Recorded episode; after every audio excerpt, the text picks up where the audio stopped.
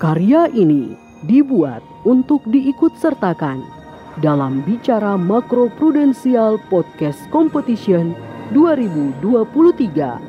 Selamat mendengarkan.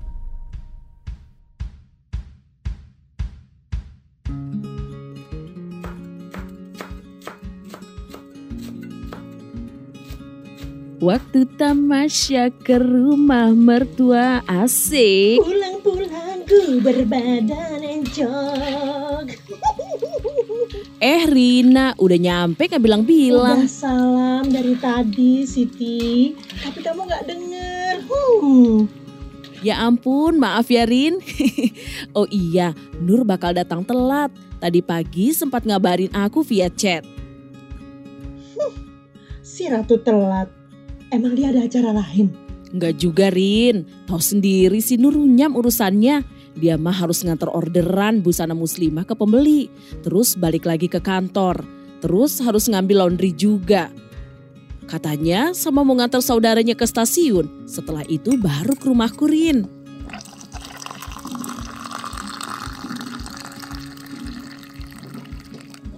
Nur, Nur, kenapa harus nyusahin hidup kayak gitu ya? Coba kalau dia ngambil kredit konsumsi, dia bisa tuh beli mobil jadi nggak ribet harus bolak balik apalagi sekarang Bank Indonesia mendorong intermediasi tau Ti? Intermediasi kayak gimana tuh? Kredit konsumsi itu apalagi Rin? Maksudnya gimana? Jadi gini Ti.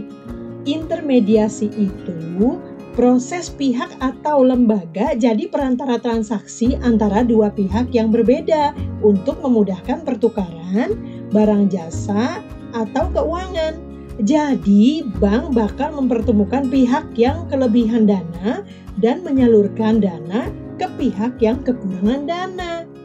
Biasanya disalurkannya dalam bentuk krediti. Salah satunya itu kredit konsumsi. Oh gitu, bagus juga tuh bisa jadi solusi buat orang seperti aku sama Nur yang butuh kendaraan bermotor buat modal usaha bisa juga kan Rin? Bisa dong Siti. Assalamualaikum. Waalaikumsalam. Hayo loh, lagi pada ngapain nih?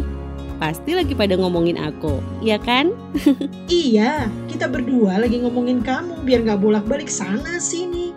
Kenapa nggak sekali jalan dua tiga kerjaan kamu terlampaui? Ya nggak? Iya nih. Ya, gitulah. Ternyata capek juga ya, Rin. Nur, emangnya kamu nggak pengen gitu kredit mobil aja biar usahamu lancar? Mau banget dong, Ti. Ini juga aku lagi nabung, tapi nggak tahu kapan ya bisa beli mobil. Nah, pas banget nih. Tadi aku sama Rina lagi bahas soal intermediasi Bank Indonesia yang bisa bantu kredit konsumsi seperti kredit kendaraan bermotor, mobil contohnya.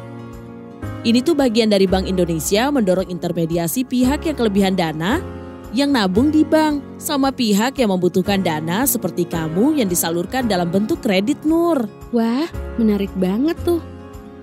Jadi, kalau aku ikut kredit mobil dengan intermediasi Bank Indonesia, aku bisa beli mobil dong. Bisa banget dong Nur.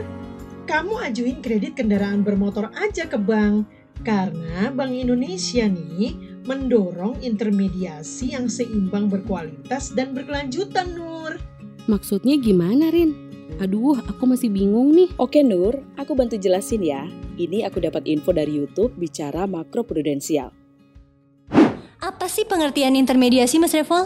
Iya, jadi Dita, intermediasi itu kalau secara umum sebenarnya merupakan sebuah proses di mana terdapat suatu pihak atau suatu lembaga yang menjadi perantara dalam transaksi dua pihak. Jadi sebenarnya kalau general itu cukup umum ya. Kita bisa melihat di dalam sektor uh, perdagangan, mm-hmm. keuangan, barang dan jasa. Contohnya untuk uh, spesifik di podcast ini mm-hmm. kita akan membahas intermediasi perbankan. Oh, jadi penjelasan tentang intermediasi Bank Indonesia ada di YouTube bicara makroprudensial ya?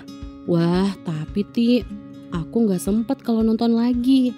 Boleh ya kamu aja yang jelasin, ya ya. Bank Indonesia mendorong intermediasi yang seimbang itu artinya perbankan juga mempertimbangkan kondisi perekonomian sama potensi resiko sistematik. Selain itu ya Nur, kredit yang disalurkan bank itu berkualitas karena digunakan tepat sesuai peruntukannya. Nah, yang berkelanjutan artinya perbankan juga memperhatikan aspek lingkungan, sosial, dan tata kelola supaya berkelanjutan Nur. Wah, bagus banget, Ti. Sekarang aku jadi makin paham nih tentang intermediasi Bank Indonesia. Lalu ada syarat atau kebijakannya nggak untuk intermediasi yang diberikan Bank Indonesia ini? Untuk syarat dan kebijakan jelas ada Nur. Terkait dengan intermediasi, Bank Indonesia mengeluarkan kebijakan insentif makroprudensial, transparansi suku bunga dasar kredit, dan kebijakan pelonggaran LTV, FTV, dan uang muka kredit kendaraan bermotor.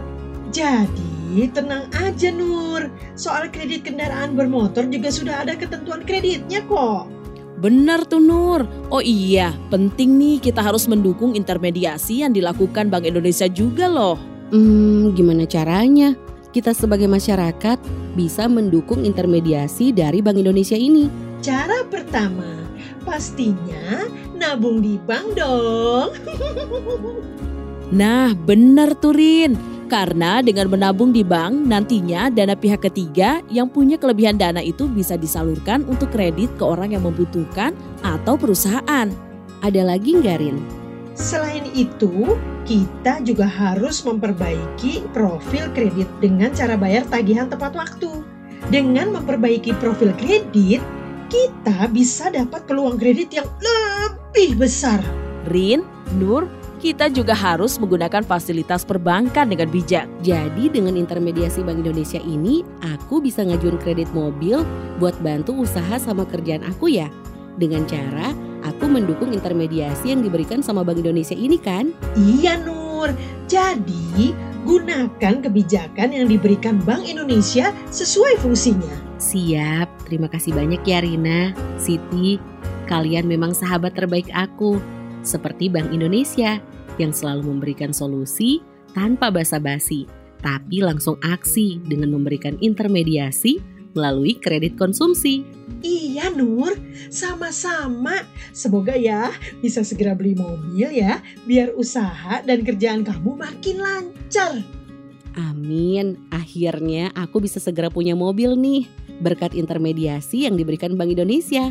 Nur, yang penting kamu tepat waktu juga ya bayar angsuran kredit. Iya pasti dong Siti.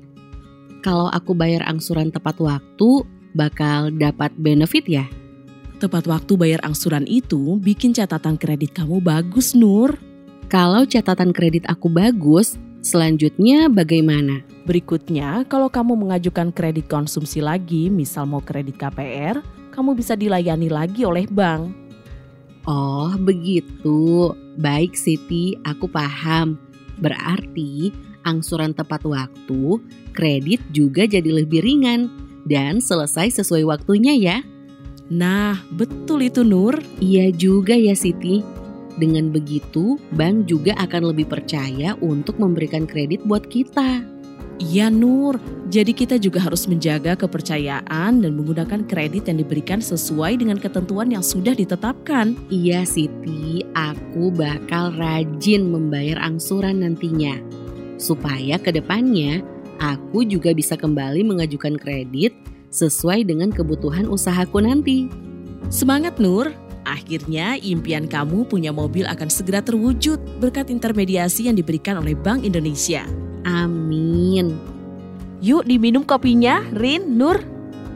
Iya, Ti. Makasih ya.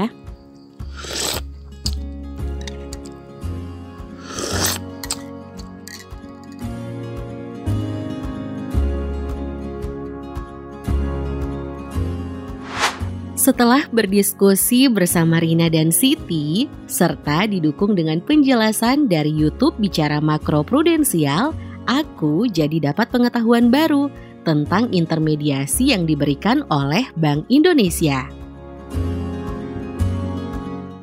Ternyata, melalui intermediasi Bank Indonesia dapat mempertemukan pihak yang kelebihan dana atau pihak ketiga dengan pihak yang membutuhkan dana untuk memudahkan pertukaran barang, jasa, atau keuangan. Kemudian, dana dari pihak ketiga tersebut disalurkan dalam bentuk kredit. Jenis dana dari pihak ketiga terbagi menjadi tiga jenis, yaitu deposito, tabungan, dan giro. Untuk jenis kredit berdasarkan penggunaannya dibagi menjadi tiga. Pertama, kredit modal kerja. Kredit ini diberikan bank untuk membiayai kegiatan operasional dari suatu usaha atau kegiatan. Namun, untuk jangka waktu kredit ini relatif lebih pendek. Misalnya untuk membayar gaji karyawan, membeli bahan baku, atau sewa gedung. Kredit yang kedua yaitu kredit konsumsi. Untuk kredit konsumsi, bank memberikan kredit ini dengan tujuan untuk membiayai kegiatan konsumsi dari masyarakat. Misalnya, untuk pembelian kendaraan bermotor, KPR, atau pembelian barang elektronik. Untuk jangka waktu kredit konsumsi ini tergolong lebih pendek. Selanjutnya, untuk kredit yang ketiga yaitu kredit investasi. Kredit ini disalurkan untuk membiayai kegiatan investasi dan kegiatan usaha dari suatu perusahaan, misalnya untuk membangun pabrik. Sedangkan untuk jangka waktu kredit investasi ini tergolong menengah dan panjang. Nah, untuk kamu yang juga membutuhkan dana untuk pembelian kendaraan bermotor misalnya, kredit konsumsi merupakan solusi yang tepat Kredit konsumsi ini sangat penting untuk kamu, sehingga kamu dapat mengajukan pinjaman ke bank untuk kredit tersebut. Jadi, dengan melakukan kredit, kamu bisa memenuhi kebutuhan kamu, misalnya membeli mobil untuk keperluan usaha kamu dengan angsuran yang sesuai. Selain itu, dengan kredit konsumsi, membuat sisa penghasilan kamu bisa dimanfaatkan untuk kebutuhan lainnya.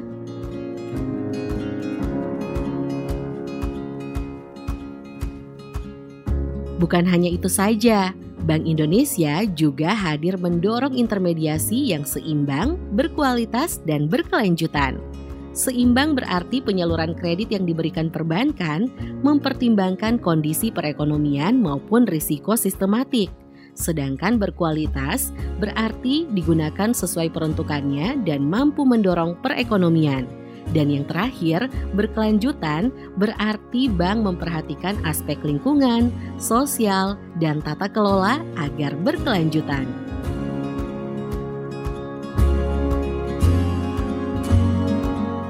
Untuk itu, sebagai masyarakat, aku, kamu, dan kita perlu untuk mendukung intermediasi dengan cara menabung di bank, memperbaiki profil kredit dengan membayar tagihan tepat waktu, serta menggunakan fasilitas perbankan dengan bijak. Jadi, sebagai masyarakat, kita harus menggunakan kredit yang diberikan bank dengan bijak dan sesuai dengan peruntukan atau fungsinya, ya.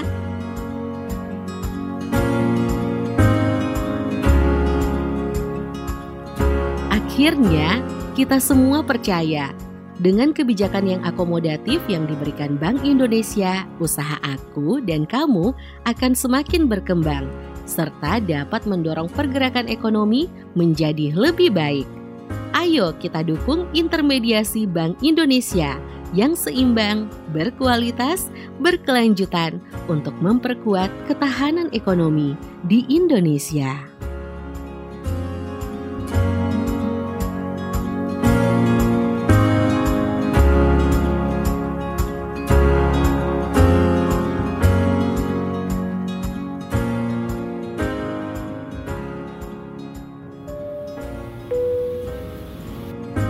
Pendengar yang terhormat, seluruh informasi yang ada pada karya ini merupakan hasil rujukan dari s.id slash bigmac 2023.super.site.